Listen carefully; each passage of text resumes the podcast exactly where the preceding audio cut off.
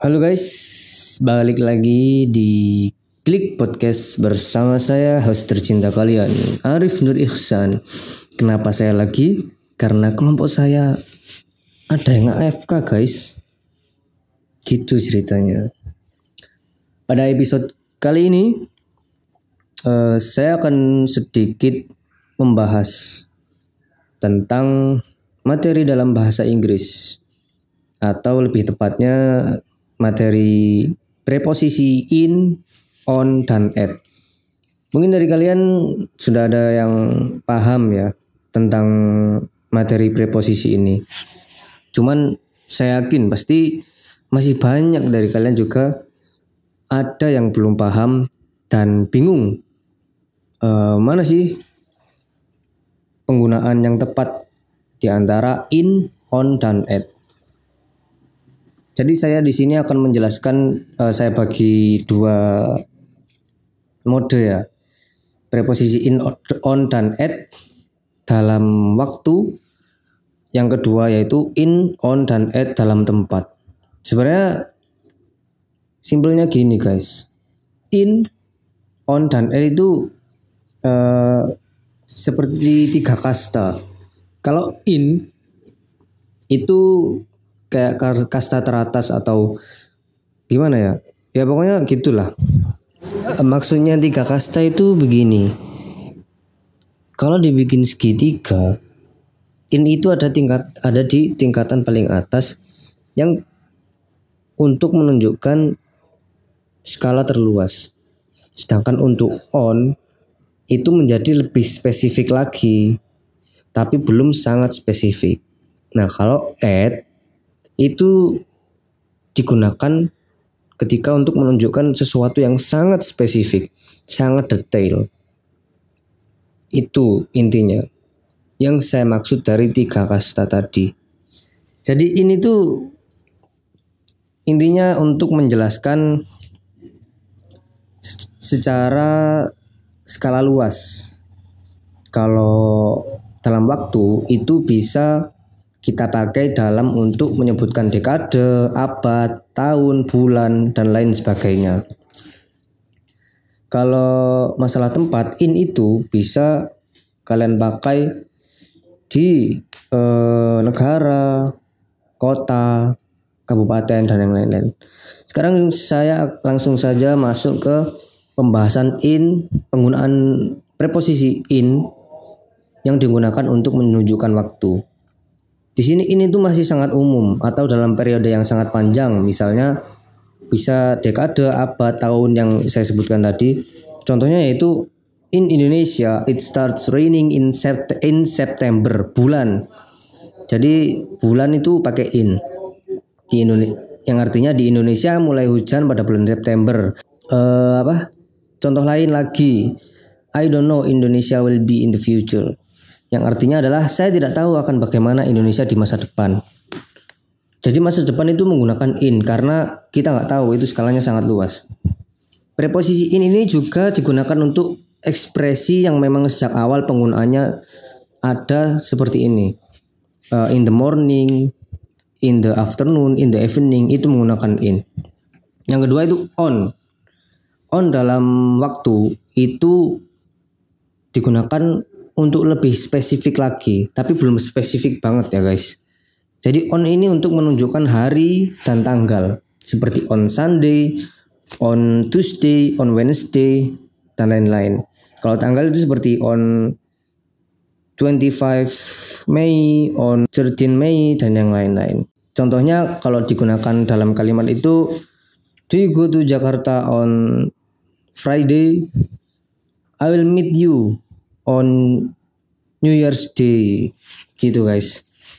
Preposisi on juga memiliki common expression atau ekspresi yang biasa digunakan yaitu on Tuesday morning, on Saturday morning, on Monday evening. Jadi hanya ditambahkan uh, adjektifnya itu guys. Yang ketiga ada at uh, dalam penggunaan waktu. Preposisi, preposisi ini mungkin sering terdengar di telinga kita karena memang sering digunakan. Misalnya kalau kita mau janjian sama seseorang, pastinya kita juga menentukan waktu pertemuan. Preposisi at ini biasa digunakan untuk menunjukkan jam. Ya pokoknya yang lebih spesifik kan jam ya guys. Seperti contoh, we have a meeting at one o'clock. Yang artinya kami ada rapat pada jam 1. I'll get to home at dinner time. Aku akan tiba di rumah saat makan, makan malam.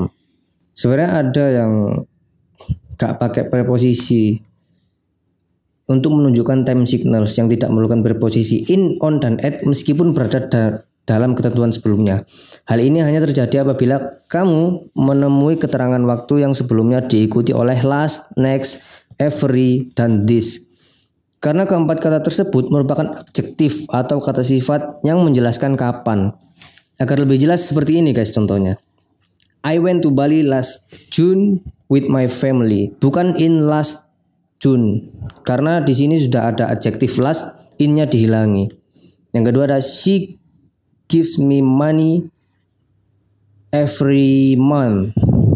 Di sini bukan at every karena sudah ada adjektif every gitu.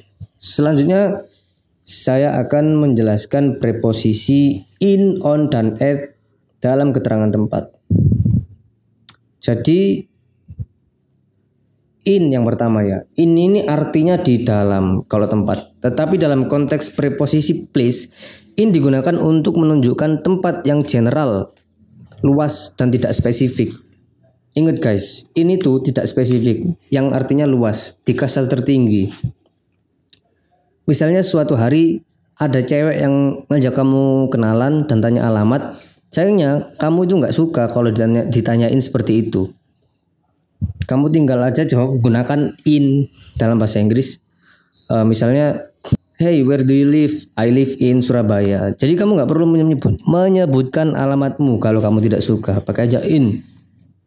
Surabaya masih sangat general, luas untuk cewek tersebut mencari rumah kamu. Pada intinya, kata depan in hanya digunakan untuk tempat yang ruang lingkupnya sangat luas dan tidak terperinci. Kamu bisa menggunakan in untuk benua, negara, provinsi, atau area lainnya yang masih general atau yang masih luas. Selain alamat yang sifatnya luas, in juga dipakai untuk tempat lain yang masih umum atau tempat yang benda tertutup seperti in hotel, in garden, in a box, in a building. Contohnya, they slept all day in hotel. Yang kedua adalah He gave me a beautiful ring. It was in a garnished box.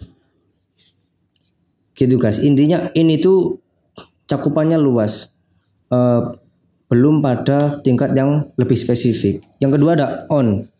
On dalam tempat berarti di atas. Namun secara penggunaan untuk alamat, on menunjukkan lokasi yang sedikit lebih spesifik dari in. Jadi belum spesifik banget. Dengan kata lain, on digunakan untuk lokasi atau alamat yang tidak terlalu general, namun juga tidak terlalu linci. Jadi biasa-biasa lah. Misalnya untuk menunjukkan nama jalan, hanya nama jalan saja tanpa nomor. Sifatnya lebih ke detil pada hanya kota saja. Seperti contoh, I live in Jeruk Street. Ngapa kok jeruk? Ya karepku. Gak jelas. Purane guys. Contoh yang kedua ada they have been living on Anggur Street. Kalau nama jalan to nggak pakai alamat itu pakainya on guys bukan at. Nanti ada lagi. Selain digunakan untuk alamat, on juga menunjukkan tempat atau posisi. Peraturannya adalah on untuk menunjukkan benda yang berada atau menempel di suatu permukaan. Misalnya on the table, on the carpet, on the field, on the wall, dan sebagainya. Contohnya kalau dalam kalimat she put her new pencil case on the table but not for long it lost. Yang artinya adalah cewek itu meletakkan tempat pensil barunya di atas meja tapi tidak lama kemudian hilang soalnya dicolong koncone. Contoh yang kedua ada I don't know where I don't know where your phone is. Maybe it is on your car. Yang artinya aku tidak tahu HPmu di mana. Mungkin itu ada di mobil. Intinya on itu untuk menunjukkan jalan uh, tahu tempat, tapi belum spesifik. Lanjut yang ketiga ada at. At memiliki arti di suatu tempat. Nah, dalam konteks alamat, penggunaan at adalah untuk lokasi alamat yang lebih detail lagi. Jadi kasta terbawah, guys. Uh, at itu untuk menunjukkan alamat yang sangat detail. Seperti ada nomor rumah dan nama jalannya gitu. Kayak misalnya uh, atau kamu kalau tinggal di apartemen, kamu bisa menyebutkan nama apartemen, lantai, dan nomor kamarnya. Pokoknya at itu digunakan untuk menunjukkan sedetil-detilnya guys. Contohnya seperti I live at Gria Samudra Asri Blok B1 number 10 Keramat Jegu Taman Sidoarjo like that Penggunaan at lainnya adalah untuk menunjukkan suatu titik atau poin misalnya kamu janjian sama seseorang, kamu bisa menggunakan add untuk menunjukkan tempat bertemu. Intinya kita ingin menunjukkan suatu tempat, namun tidak berarti kita ada di dalamnya. Gitu guys. E, mungkin itu saja guys, mungkin yang bisa saya jelaskan kepada kalian. Mohon maaf kalau misalnya kurang jelas ataupun belum paham. Ya saya sama-sama belajar lah guys. Kita semua belajar untuk menjadi yang lebih baik. Sorry if there are still those who don't understand. You can study it yourself. Because actually on the internet there are also lots of places to learn this material of preposition. Because I'm still learning too. So guys, we are both learning to be better than before. And don't stop learning. Gitu guys. Oke, terima kasih. Assalamualaikum warahmatullahi wabarakatuh.